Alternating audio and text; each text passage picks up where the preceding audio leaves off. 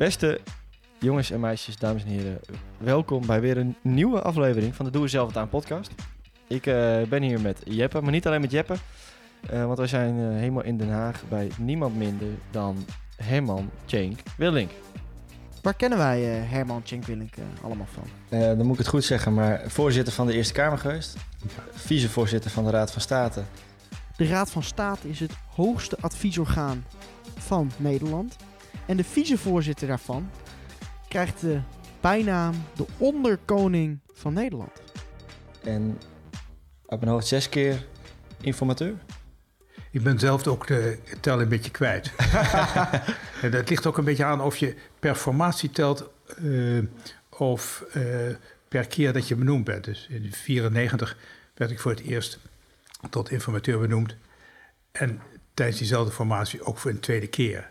Oké. Dus eh, als je het getal een beetje omhoog wil krikken, dan moet je dus tijdens dat was in 2012 ook het geval, ben ik ook twee keer informateur geweest. Dus dat telt lekker aan. Ja, en nu nog een laatste keer natuurlijk. En nu nog een laatste keer, ja, dat had ik, ik dacht dat in 2017 het al, allerlaatste zou zijn. En eh, toen kwam plotseling 2021 en eh, wist me opnieuw te vinden. Ik had wel zelf wel aarzelingen, want ik dacht, ja, moet je nou bij een 79-jarige de biecht, maar ehm, dan merk je eh, inderdaad dat ervaring ertoe doet. Ehm, zowel omdat je weet hoe het werkt, maar ook omdat je voor situaties komt te staan waar je denkt: oh, dat doet me denken aan toen en toen.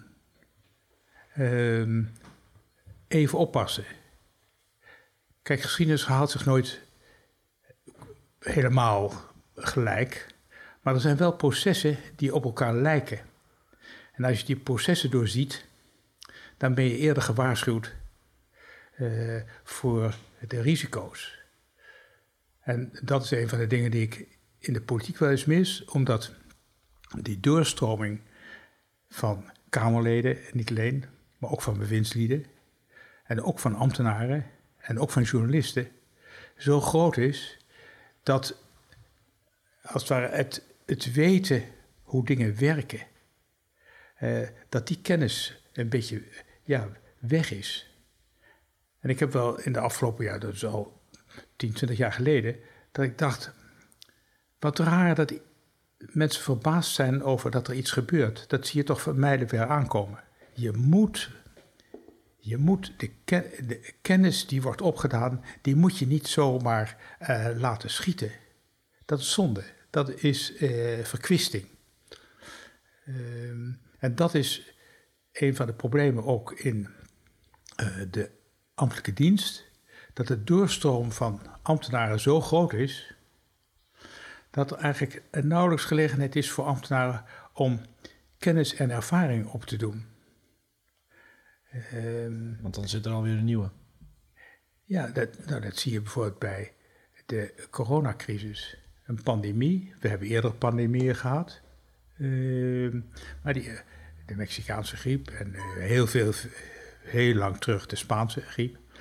Maar, eh, en uitbraken, SARS en ook in de landbouw. Die ervaring van hoe je dat aanpakt, eh, die, die kan je, moet je gebruiken.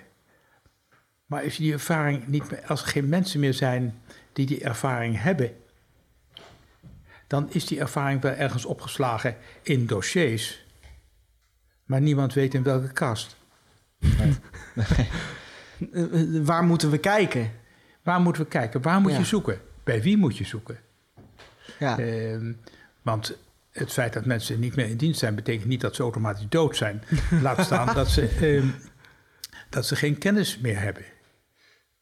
Iemand als Roel Coutinho, eh, veel op de televisie geweest op een gegeven moment, die had van ehm, dit soort virus ehm, en dergelijke heel veel kennis vanwege het feit dat hij in de jaren 80 actief betrokken was bij de HIV-epidemie.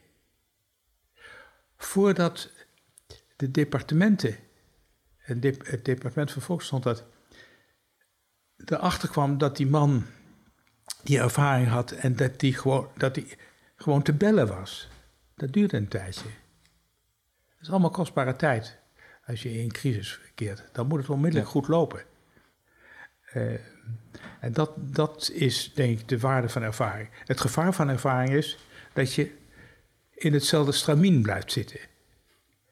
Dus je hebt een beeld van de werkelijkheid en dat is het. Um, en ja, die werkelijkheid die, die verandert. U gaat eigenlijk al direct in op het stukje ervaring. En dat is natuurlijk het uh, thema van dit seizoen. Maar laten we het nog even hebben over de formatie. Want dit keer ging dat proces natuurlijk best wel uh, stroef. Wat is uw analyse hier eigenlijk op? Coalities moeten altijd uit het midden komen. Uh, en dat midden wordt steeds kleiner. En dat is ook steeds meer concurrenten van elkaar. En als partijen geen duidelijke van elkaar onderscheidende visies meer hebben, omdat die visies ja, ietsje meer of ietsje minder, zeker in de Nederlandse verhoudingen, eh, zijn. En als partijen geen eh, duidelijke eigen vaste achterban meer hebben, dan is het oriëntatiepunt, zijn de partijen onderling ten opzichte van elkaar. Wat betekent dat voor mijn positie, wat betekent zijn positie voor mijn positie en omgekeerd? Dat is toch iets anders dan wat betekent dat voor mijn, het realiseren van mijn visie? Of wat betekent dat voor uh, de belangen van mijn vaste achterban? Als nog die visie, nog die achterban meer vast is, dan wordt je oriëntatiepunt wordt de ander. En dat maakt onderhandelen dus buitengewoon uh, lastig. Dus je moet partijen dan weer dwingen om uh, terug te gaan naar waar hebben we het over. En mijn uh, aanbeveling is eigenlijk vanaf 2012, 2017 in ieder geval geweest. Zouden we niet eens moeten beginnen om met elkaar te hebben of we het over hetzelfde probleem hebben? Uh, want wat mij opvalt is dat we in kabinetsformaties het heel veel hebben over regelingen. Regelingen om oplossingen te realiseren. Maar daaraan voorafgaat gaan twee andere vragen. Namelijk, zijn we het eens over het probleem? De feiten die dat probleem bepalen, de oorzaken. Want als je het over het probleem eens bent, dan heb je al voor 50% ook overeenstemming over de oplossing. Want verschrikkelijk veel verschillende oplossingen zijn er niet. Dus een van de voorbeelden, het stikstofprobleem. Weten we nu hoe dat stikstofprobleem in elkaar zit? Wat, hoe, groot is dat probleem? Welke afspraken hebben we gemaakt voor de reductie van het probleem? Uh, wat zijn de bronnen van dat probleem? Uh, zonder dat je dus al gaat zeggen, uh, een bron is, uh, is, is het verkeer, een andere bron is de boeren. En dus moeten de boeren het meest inleveren. Daar hebben we het nog niet over. Het gaat alleen over de vraag, zijn we het over die feiten eens? En die fase slaan we vaak over. Dat debat wordt niet gevoerd, zeg maar. Dat debat wordt dus niet gevoerd over het probleem en zijn we het eens over die feiten en over de oorzaken. Zijn het vervolgens eens over op welke manieren we die oorzaken, want dan zijn er verschillende, kunnen wegnemen. Uh, een, van mijn algemene uh, ja, handelwijzen of vragen, als mensen met een vraag komen en zeggen: Moet je nou eens horen, ik zit met dat en dat en dat. En wat zou jij nu doen? Is een van de vragen eigenlijk altijd geweest: Wat is het probleem eigenlijk? Je, moet bij jezelf maar eens nagaan hoe vaak we die vraag overslaan. We discussiëren eindeloos over de oplossing.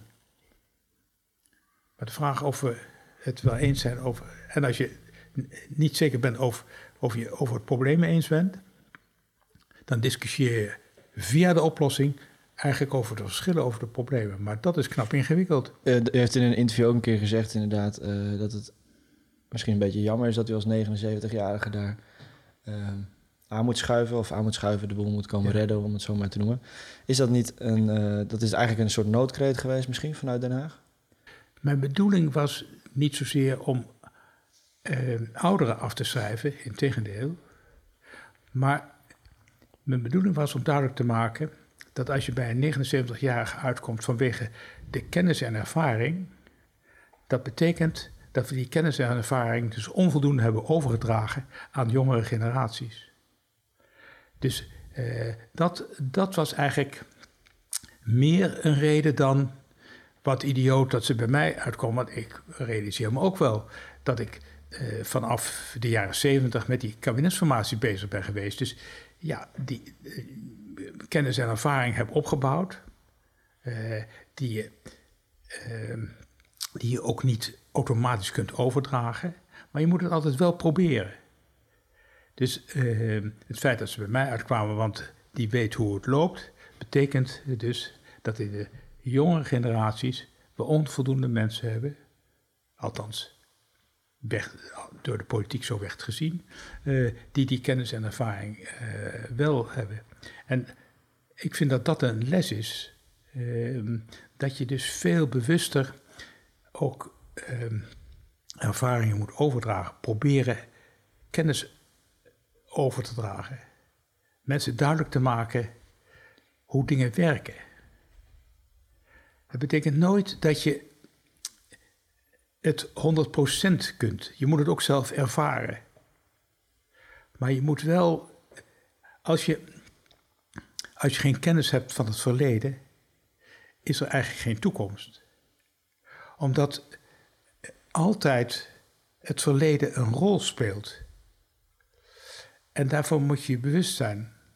En dat geldt ook voor het verleden van uh, de Nederlandse overheid bijvoorbeeld. Dus in mijn boekje, uh, Kan de overheid crisis aan? Daar wordt ook doelbewust gewezen op de verzuiling. En dat is een systeem van na de Tweede Wereldoorlog. Dat begon in de jaren 60, 70 te schuiven. Maar als je van die geschiedenis niks weet, dan herken je niet dat er nog rudimenten over zijn in het huidige functioneren, die uit die verzuiling eh, eh, afkomstig zijn. En je realiseert je niet dat een aantal dingen die in die verzuiling, die ook benauwend was, uh, mensen zaten opgesloten in groepen, uh, dat er een aantal goede dingen aan die verzuiling waren, die we eigenlijk verwaarloosd hebben en waarvoor we niks in, voor in de plaats hebben gezet. En uh, wat voor uh, goede eigenschappen waren er dan vooral in die verzuiling? Uh, die, dat, die overleg-economie, dat komt voor een gedeelte uit die, het verzuilingstijdperk. Dat poldermodel waarin verschillende belangen worden afgewogen, dat heeft te maken met de verzuiling, is eigenlijk wat u zegt.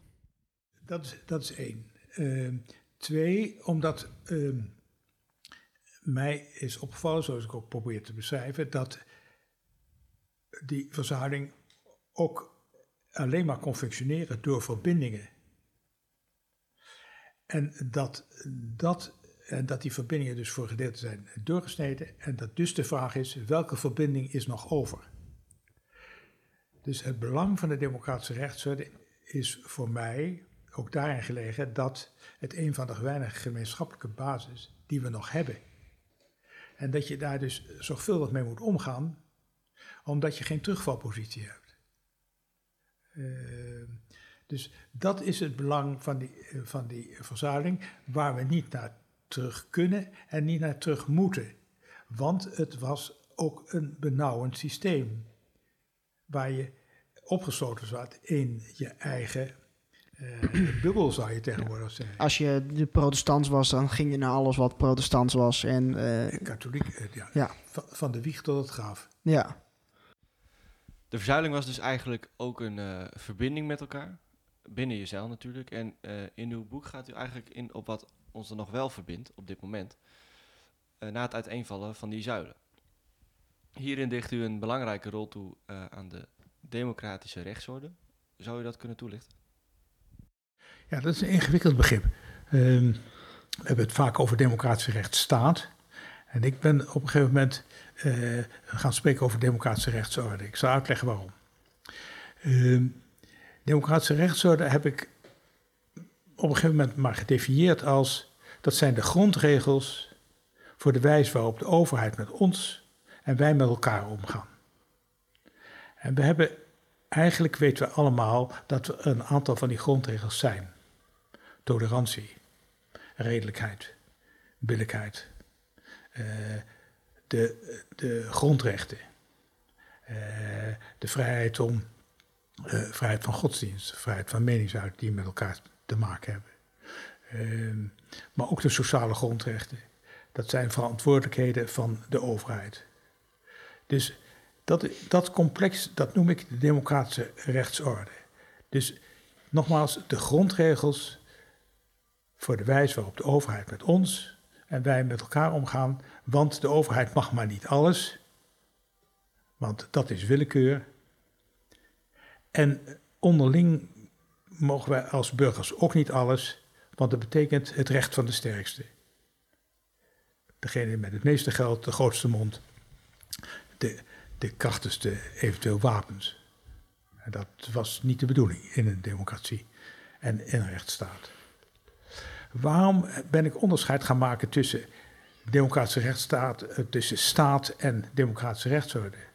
Dat is omdat ik er langzaam achter kwam dat de staat in zijn functioneren de democratische rechtsorde kan schenden. Dus de grondregels niet volgt. Het is moeilijk discussiëren als je het hebt over de democratische rechtsstaat. eh, eh, Het functioneren van de democratische rechtsstaat eh, schendt de democratische rechtsstaat. Dus daarom dat ik die twee begrippen uit elkaar ben gaan halen. Dat, dat klinkt ingewikkeld, maar het is juist om meer duidelijk te maken. De staat, zodat ik misschien iets over het woord staat of overheid. Het functioneren, de wijze waarop de overheid functioneert, is niet automatisch datgene wat de grondregels voorschrijven. Dus de staat kan eigenlijk ook tegen die democratische rechten en plichten ingaan. Precies, dat is dus niet, dat is niet een buitenlandse mogendheid. Dat, is niet, eh, zijn niet criminelen, misschien ook allemaal, maar het functioneren van die staat zelf. Ehm, want als je, als je dat niet doorziet, dan, dan plaats je ehm, de overheid als het ware buiten de discussie. En dat is wat je een beetje ziet, denk ik, in dit coalitieakkoord. Er zijn allerlei prachtige voornemens. Het begint met te zeggen dat de democratische rechtsorde moet worden versterkt. Maar als mijn stelling juist is, mijn analyse juist is, dat het functioneren van de overheid zelf de democratische rechtsorde aantast, dan is het spiegelbeeld daarvan dat als je de democratische rechtsorde wil versterken, je het functioneren van die overheid moet veranderen. En daarvoor, daar, daar zie ik eigenlijk relatief weinig van in het coalitieakkoord. Dus waar je vreselijk voor moet oppassen is dat je zegt dat je allerlei dingen zult gaan doen, maar dat je niks doet aan het functioneren van de overheid zelf, waardoor er van alle mooie plannen weinig terechtkomt. Of die mooie plannen eigenlijk allemaal meer van hetzelfde zijn. En dat betekent aan het eind van de kabinetsperiode nog meer frustratie.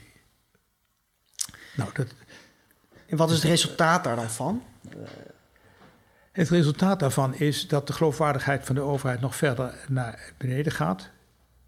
Want er worden dingen voorgespiegeld met de beste bedoeling overigens. Bedoel, het probleem is niet dat, we, dat die politici allemaal rotlui zijn. Ze bedoelen, het grootste deel van de Nederlandse politici en bestuurders bedoel, heeft het beste voor. Vanuit de eigen opvatting uiteraard. U pleit ook voor een uh, nieuw soort denken, het nieuwe denken. Uh, om dat te begrijpen is het misschien handig om eerst even te praten over het oude denken. Wat is dat dan precies? Oude denken was heel sterk gericht op uh, economische groei via de private sector. Is het voornaamste eikpunt voor succesvol beleid. Dus als het economisch maar goed met ons gaat, en dat betekent dat het in de ondernemingen en dienstverleningen goed moet gaan, dan komt het verder ook wel goed. Dat blijkt niet het geval te zijn, want in die opvatting is de overheid een kostenpost. En zijn allerlei taken die de overheid eigenlijk wel moet vervullen, ja, toch uh, wegbezuinigd. Het tweede waar de, het oude denken uh, zich op richt is op de overheid als bedrijf met kosten en baten. Maar dat denken uh, schiet tekort als het om complexe problemen gaat die uh, te maken hebben met de kwaliteit van leven. Die kan je niet uitdrukken in kosten en baten. Uh, en het derde is dat in dat denken de de burgers heel sterk worden gezien als object en kostenpost ook. Uh, overheid het bedrijf met de burger als klant. Maar dat staat dwars op het burgerschap als uh, ja, actief, mee, uh, meewerkend personen uh, gemeenschappen, uh, die als het ware het belangrijkste politieke ambt vormen. Burgerschap is, excuus, is de basis voor de democratie.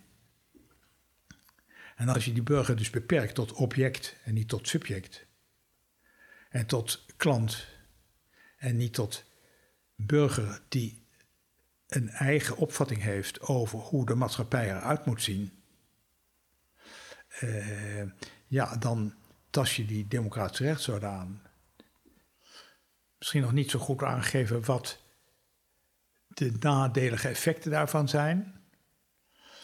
Een van die nadelige effecten is dat, ondanks het feit dat het economisch goed gaat, de, de verschillen in Nederland groter zijn geworden. En dan niet alleen in inkomen, maar vooral ook in vermogen, maar ook in uh, gezondheid, in levensverwachting, uh, in het hebben van werk of niet werk. Het is toch schandelijk dat in zo'n land als Nederland, waar de, de, iedereen schreeuwt om uh, arbeidskracht op dit moment, dat het toch een werkloosheid is die ja, van generatie op generatie wordt doorgegeven.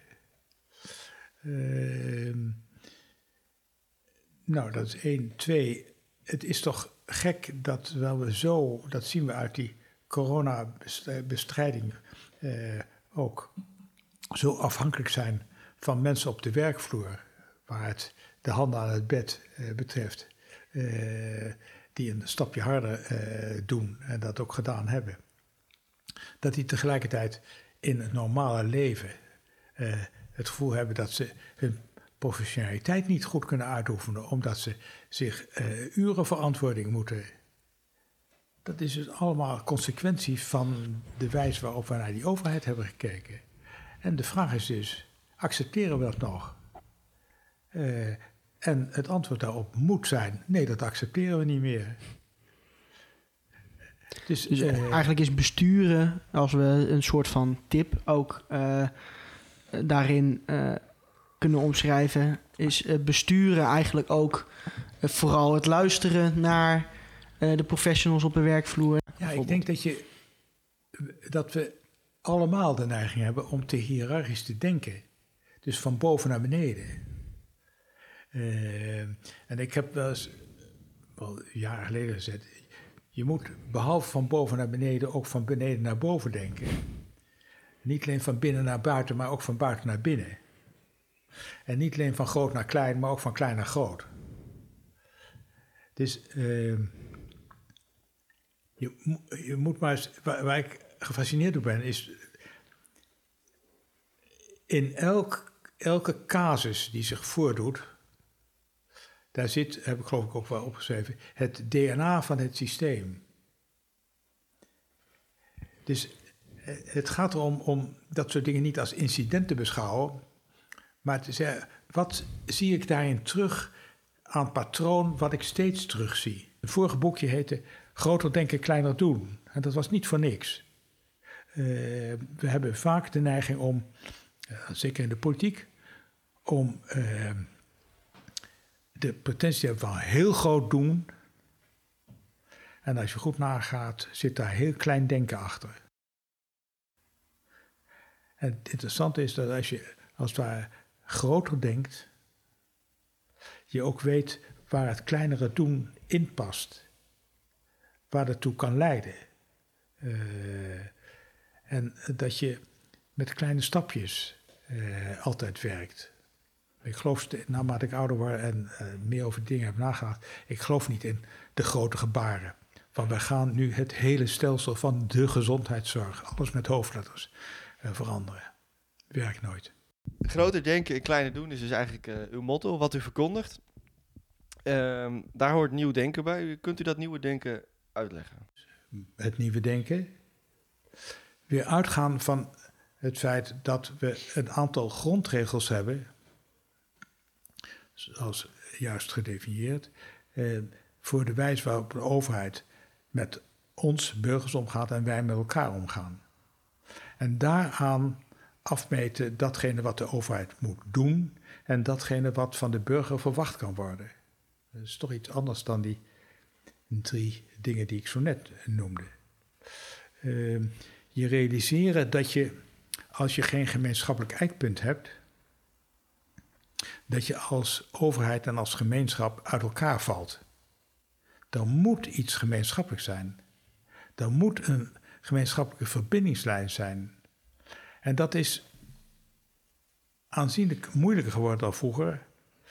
Eh, onder de verzuiling, waar weliswaar die, we waren ingedeeld in katholieken, protestanten, socialisten, liberalen, eh, christendemocraten. Uh, waar ja, die onderling, als het ware, een stelsel van normen hadden. En hoe je, de sociale controle was ook groot. Dat was ook benauwend.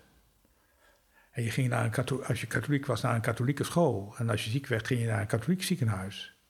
Uh, en als je kwam te overlijden, uh, ging je naar een, uh, werd een katholieke begrafenisonderneming ingehuurd. Alles binnen je eigen zuil? Alles binnen je eigen zuil. Tussen die zuilen waren er ook verbindingen, namelijk op de landbouw, die ook uh, verzuild was. Maar ja, die gemeenschappelijke belangen, daar waren verbindingen tussen. Al die verbindingen zijn ja, uh, geërodeerd, zijn verdwenen. En de vraag is dus, waar ik naar heb gezocht, wat is dan het gemeenschappelijke wat ons nog bij elkaar houdt? En ja, ik heb niet voor niks uh, uh, misschien uh, rechten gestudeerd, maar meen dat te vinden in de democratische rechtsorde, die grondregels, waar we het in de loop van de decennia en eeuwen min of meer over eens zijn geworden. We hebben wel verschillende ideeën over hoe we dat moeten invullen, wat wel en niet tolerant is, hoe ver de vrijheid van godsdienst wel of niet gaat, wat rechtvaardig is en wat niet rechtvaardig. Dat is allemaal tot je dienst. Maar er zijn een aantal begrippen waar we eh, in ieder geval een gemeenschappelijke notie over hebben, waar we het over kunnen hebben. Ik bedoel, ik kan met jou een discussie voeren. Vind jij dat nou rechtvaardig als er iets is gebeurd? Nou, de een zal het schandelijk onrechtvaardig vinden, en de zegt, nou, dat valt wel mee. Maar dat is ongeveer de marge de gemeenschappelijke noemer is dat we het hebben over wat, wat rechtvaardig is, waar, waar iedereen recht op mag hebben. Ehm, dus, en eh, daarover moeten we het dus weer meer hebben. Uh, en die grondregels, nogmaals, behoort ook de sociale grondrechten die in 83 met algemene stemmen in de grondwet werden opgenomen. En daarna zijn ze min of meer vergeten. Wat staat daarin? Daar staat in dat de overheid verantwoordelijk is voor het onderwijs, voor werkgelegenheid, voor een goede ruimtelijke ordening, voor culturele ontplooiing. En de vraag is dus, wat voor invulling geven we daaraan? Dat is een opdracht van de grondwet aan de overheid. Daar zullen we, verschillend, daar zullen we verschillend over denken.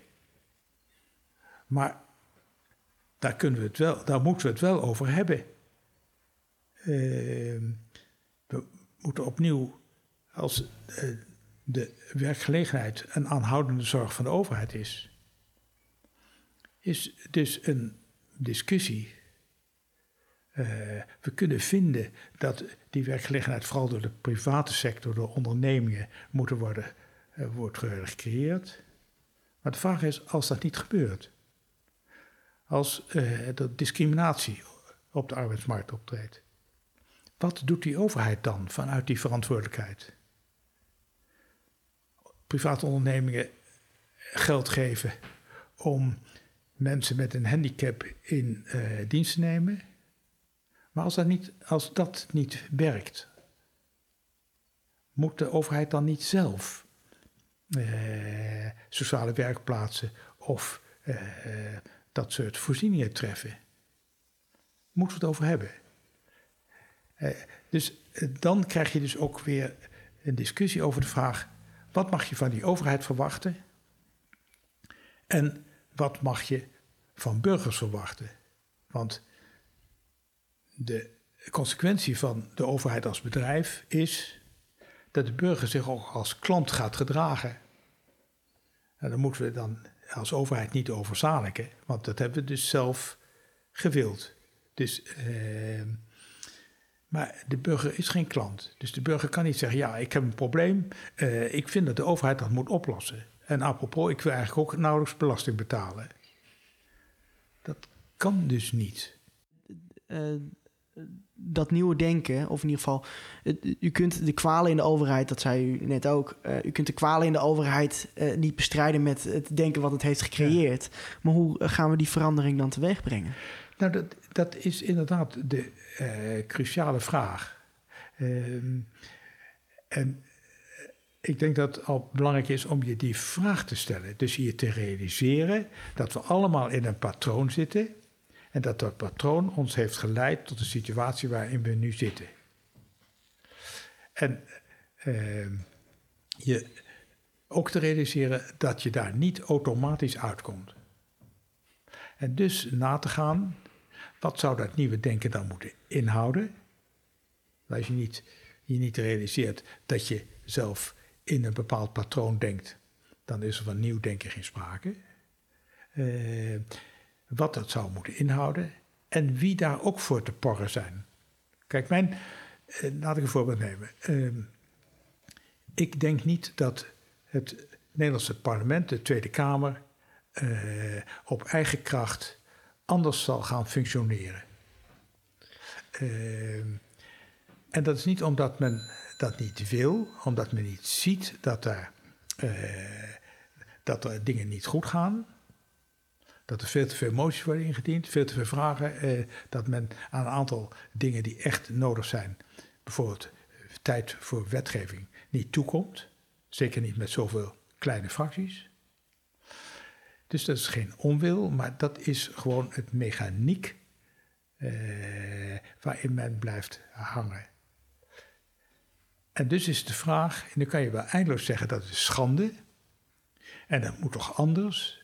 En daar zullen ze commissie voor instellen. En ze, maar dat lukt pas als bijvoorbeeld de rechter veel actiever tegenover de wetgever zegt.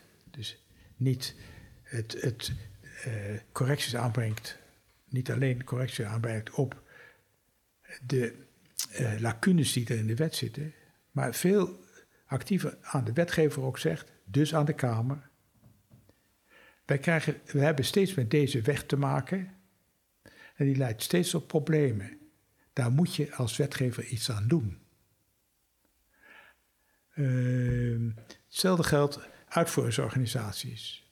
Worden eindeloos geconfronteerd met onuitvoerbare regelingen.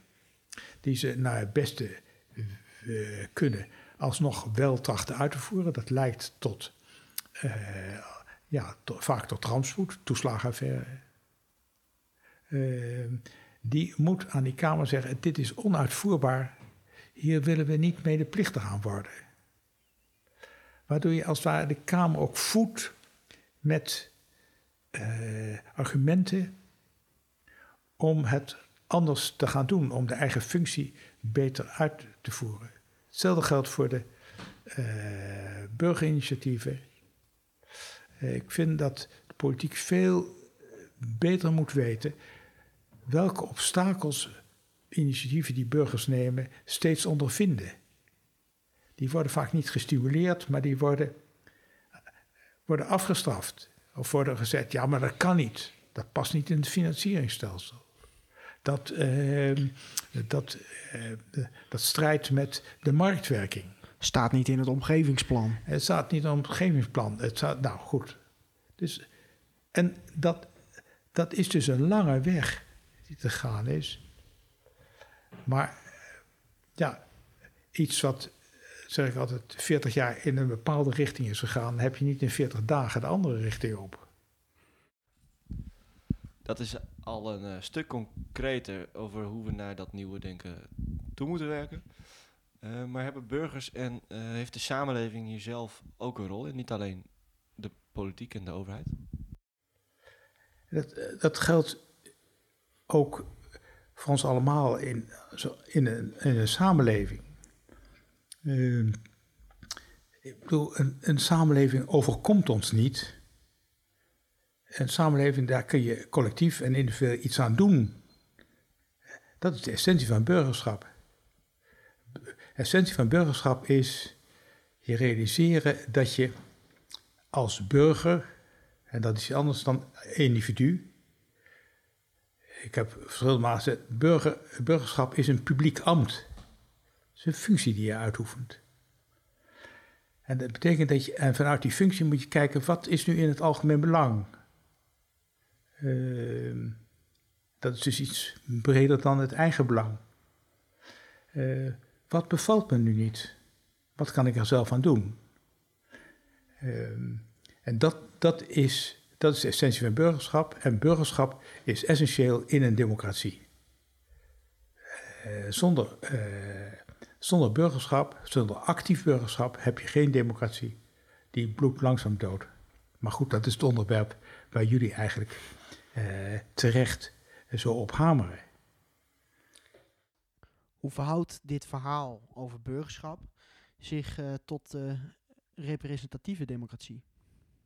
Overheid en de vertegenwoordigende democratie. Dus uh, een regering en een parlement waarvoor we kiezen. Maar dat functioneert alleen als die maatschappelijke democratie, zoals ik het noem, dus de actieve participatie van burgers, niet de participatie in de politiek, ook belangrijk, maar participatie in de samenleving. Zelf bijdragen aan de oplossing van problemen die in je omgeving ziet, uh, is essentieel voor een goede vertegenwoordigende democratie. Waarom? Omdat als mensen zich in hun eigen omgeving niet gezien of gehoord voelen, denk je dat die mensen gaan stemmen. Nee. Het is in zekere zin een voorwaarde voor het gevoel, we kunnen een eigen bijdrage leveren aan datgene wat ons niet bevalt. Of datgene wat we vinden dat beter kan. Wat wij wensen, bijvoorbeeld. Huh? Wat wij wensen in een dorp. Uh, ja. Ik heb uh, een, een, een, voorbeeld waar ik eigenlijk vorige week uh, achter ben gekomen. Ik ben opgegroeid in een klein Fries dorp. Ja. En in dat kleine Friese dorp maakte van een plattelandsgemeente deel uit. En die plattelandsgemeente die had wel budget voor een dorpshuis. Maar dat budget was eigenlijk niet toereikend genoeg voor de uh, voor eigenlijk wat, wat, wat, wat het dorp wilde. Ja. En uh, mijn moeder vertelde dit. Ik heb dat uh, eigenlijk nooit geweten. Maar eh, het dorp heeft zelf dat dorpshuis uiteindelijk gebouwd. Omdat ze dus door hadden van, nou ja, we moeten hier zelf aan bijdragen, anders komt het er niet zoals wij dat willen. Ja. En eh, daar hebben de, de- de mensen uit het dorp hebben zelf de tegels gelegd. Die hebben zelf eh, ervoor gezorgd eh, dat, eh, dat, eh, dat alles werd geïnstalleerd. Het eh, lokale bouwbedrijf heeft meegeholpen. En dan zie je dat eigenlijk de maatschappij dat heeft gebouwd. Eigenlijk een, ik had het er laatst met mijn vrienden over. Eigenlijk is dat een heel mooi, mooie vorm van ja, bijna een soort democratisch eh, gebouw geworden. Precies, maar dat, dat is precies wat ik bedoel. Ja. Dus wat in een, het Engels woord civil society heet, en wat ik altijd vertaald als burgersamenleving, omdat daar, dat is een mooi woord, omdat het precies is samengesteld uit die twee woorden, Ja. burger en samenleving. Eh, In een samenleving waar eh, ja, individualisering is, heeft toegeslagen, prima. Ieder moet zichzelf kunnen ontwikkelen eh, naar zijn eigen kunnen en aard en weet ik al wat. Maar dat betekent niet dat er geen samenleving is. Ik bedoel, iemand is ook altijd burger door het samenleven met een ander. Eh, en dat is precies dus eh, het voorbeeld. Het gevaar wat daaraan zit, waar je dus eh, rekening mee moet houden, is dat de overheid denkt: oh, maar weet je, we hebben wel een verantwoordelijkheid, maar dat. eh, Het dorp doet het zelf. de dorp doet zelf. En dat is toch democratie? Nee, dat is afschuiven. Dus eh, een van onze tradities uit de, eh, uit de verzuiling was het begrip subsidiariteit. En subsidiariteit betekent dat er ruimte is voor eigen initiatieven, maar waar dat nodig is, de overheid daarin eh, bijstaat.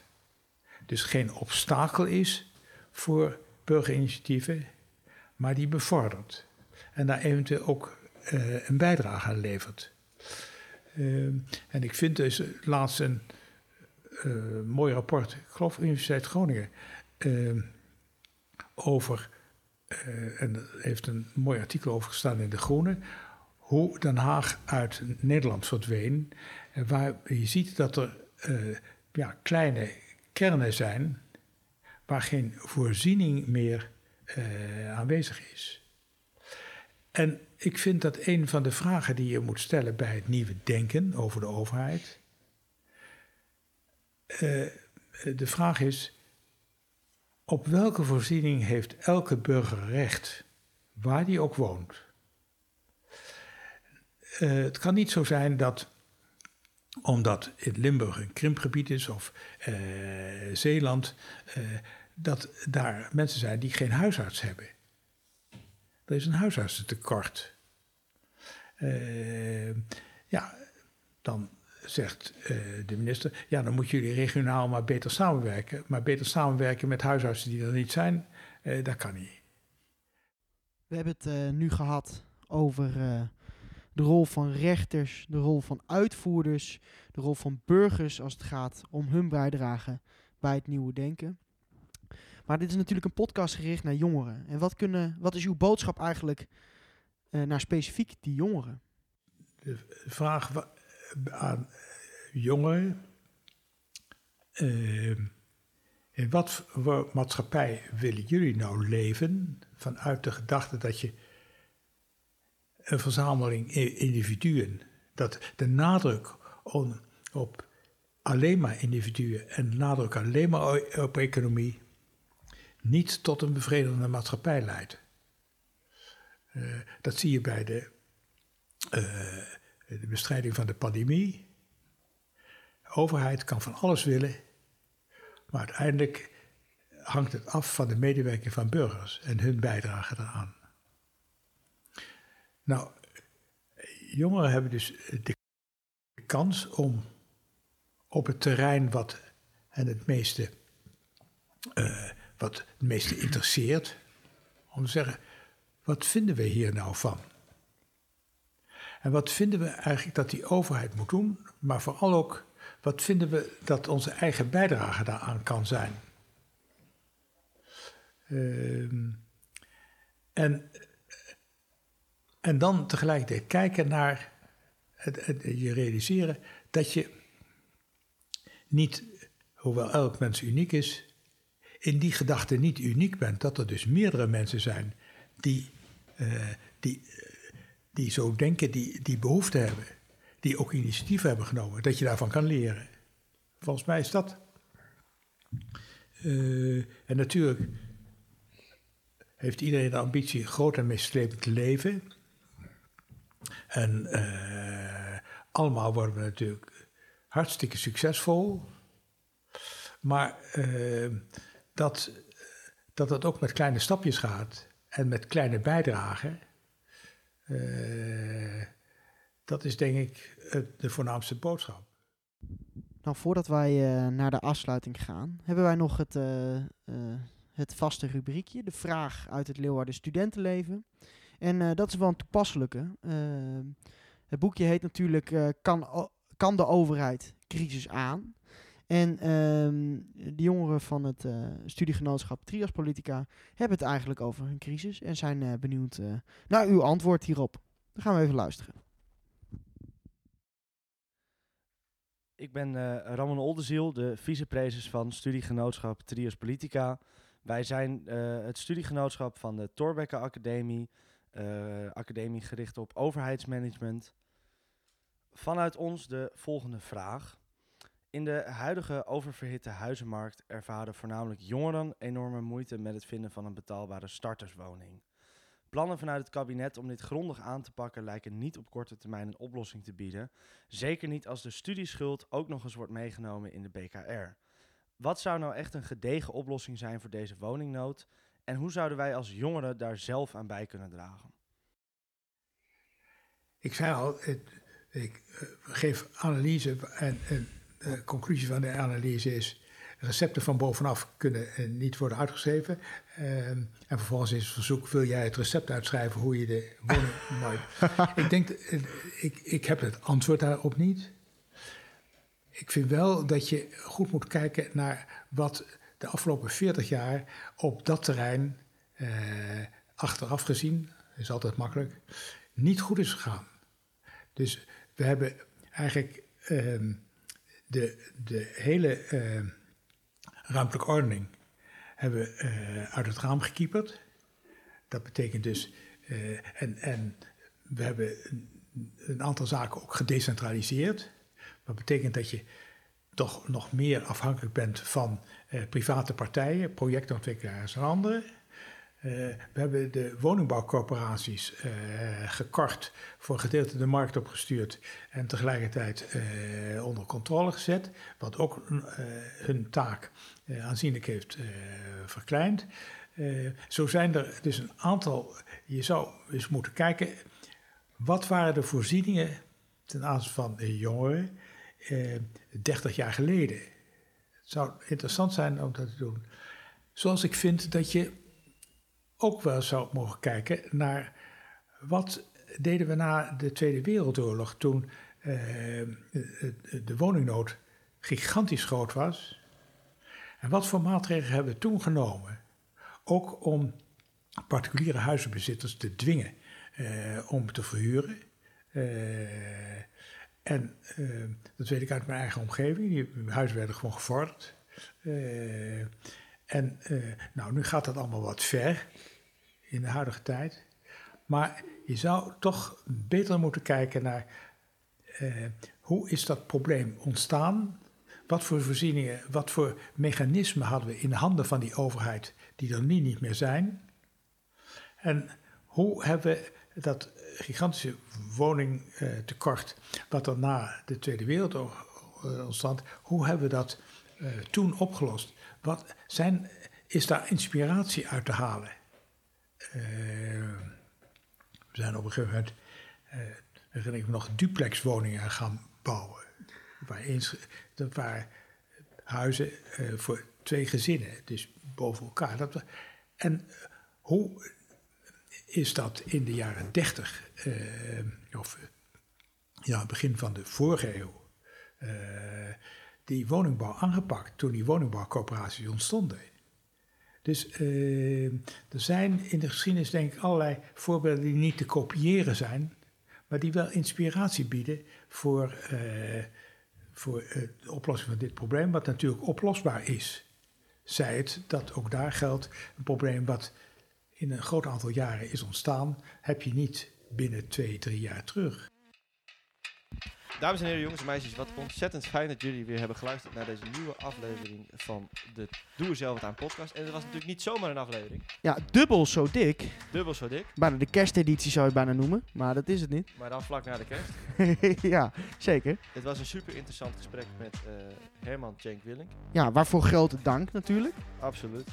Eh, en we zouden dit willen afsluiten met nog een, eh, nou, een kleinigheidje, denk ik. Ja, zeker. Ik denk dat het, eh, nou, dit is iets wat je in ieder geval in huis wil halen. En wat wil je zo naar huis halen, Jens? Kan je dat eens toelichten? We hebben nog een kleinigheidje. Wij hebben namelijk nog een editie van Grote Denken, Kleiner Doen in, in huis liggen. Deze willen wij graag weggeven. Ja, zeker. Nou ja, dat is sowieso iets wat, je, wat een aanradertje is. Absoluut. En nu heb je ook nog de kans om hem, eh, om hem te winnen eigenlijk. En eh, dat kan als volgt. Ja, daar hoef je niet heel veel voor te doen. Niet heel veel. Wij willen graag eh, dat je de aflevering even deelt in je verhaal. Dan wel op Facebook, dan wel op Instagram en eventueel zelfs op Twitter. Ja, Twitter, LinkedIn, maakt me eigenlijk niks uit. Zolang wij maar getagd worden, want anders weten we natuurlijk niet dat die gedeeld is. Ehm, daarbij zijn wij ook heel erg benieuwd, en dat is niet verplicht natuurlijk, maar eh, naar wat jullie eigenlijk van het idee van Herman Cenk willen vinden. Dus dat mag je ons laten weten. Dan wel in je verhaal, dan wel via een eh, persoonlijk berichtje. Ja, dat is altijd leuk. We zijn er gewoon benieuwd of het ook allemaal is aangekomen. Het is een lang verhaal geweest natuurlijk. En we kunnen natuurlijk door deze rubriek ook een beetje meten hoeveel mensen de aflevering hebben afgeluisterd. Want ja, dan zien wij. Ja. Dus op zich voor ons ook een mooi stok achter de deur. Ja, Als we nou geen reacties krijgen, moeten we misschien bij onszelf te raden gaan. ja. nou, dat is waar. Eh, maar in ieder geval, eh, lijkt het ons leuk om dat boekje weg te geven. Eh, daarbij geven we denk ik ook nog een diensttasje weg. Ja, tuurlijk. Kijk, weet je, alleen een boekje, dat is ook zo weinig. 10 skip tasje, 10 skip stickers. onze magazine krijg je erbij. Nou ja, het boek van Herman Cenk Willink. Nou, dat wil je natuurlijk niet missen. Ehm, en ik denk dat wij ook nog wel een topper over hebben. Dus dan eh, een- een goed gevulde 10 skip tas. Ja, dat is echt een goed gevulde diensttasje. Nou, ehm, nog even een eh, kleine afsluiting eh, voor de social media. Volg ons. Dat soort dingen. Volg ons en dat soort dingen. Nou, dat, dat, dat is hem dan. Ja, dat. Volg ons. Schrijf een recensie. Kan. Geef ons even 5 sterren. En eh, zijn we de volgende maand, Jens? Ja, ik wel. Ik weet niet wat jij doet. Zeker. Volgende maand zijn we er gewoon weer. Dan eh, kan je weer genieten van eh, de Doe Zelf Wat Daar podcast. Bedankt. Bedankt voor het luisteren. Doei.